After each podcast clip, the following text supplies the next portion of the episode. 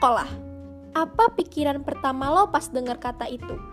Pagi yang indah jadi buruk karena harus bangun biar nggak telat? Atau yang lain? Tapi sadar atau enggak, sekolah itu salah satu tempat yang ngasih kita banyak cerita absurd buat dikenang nantinya.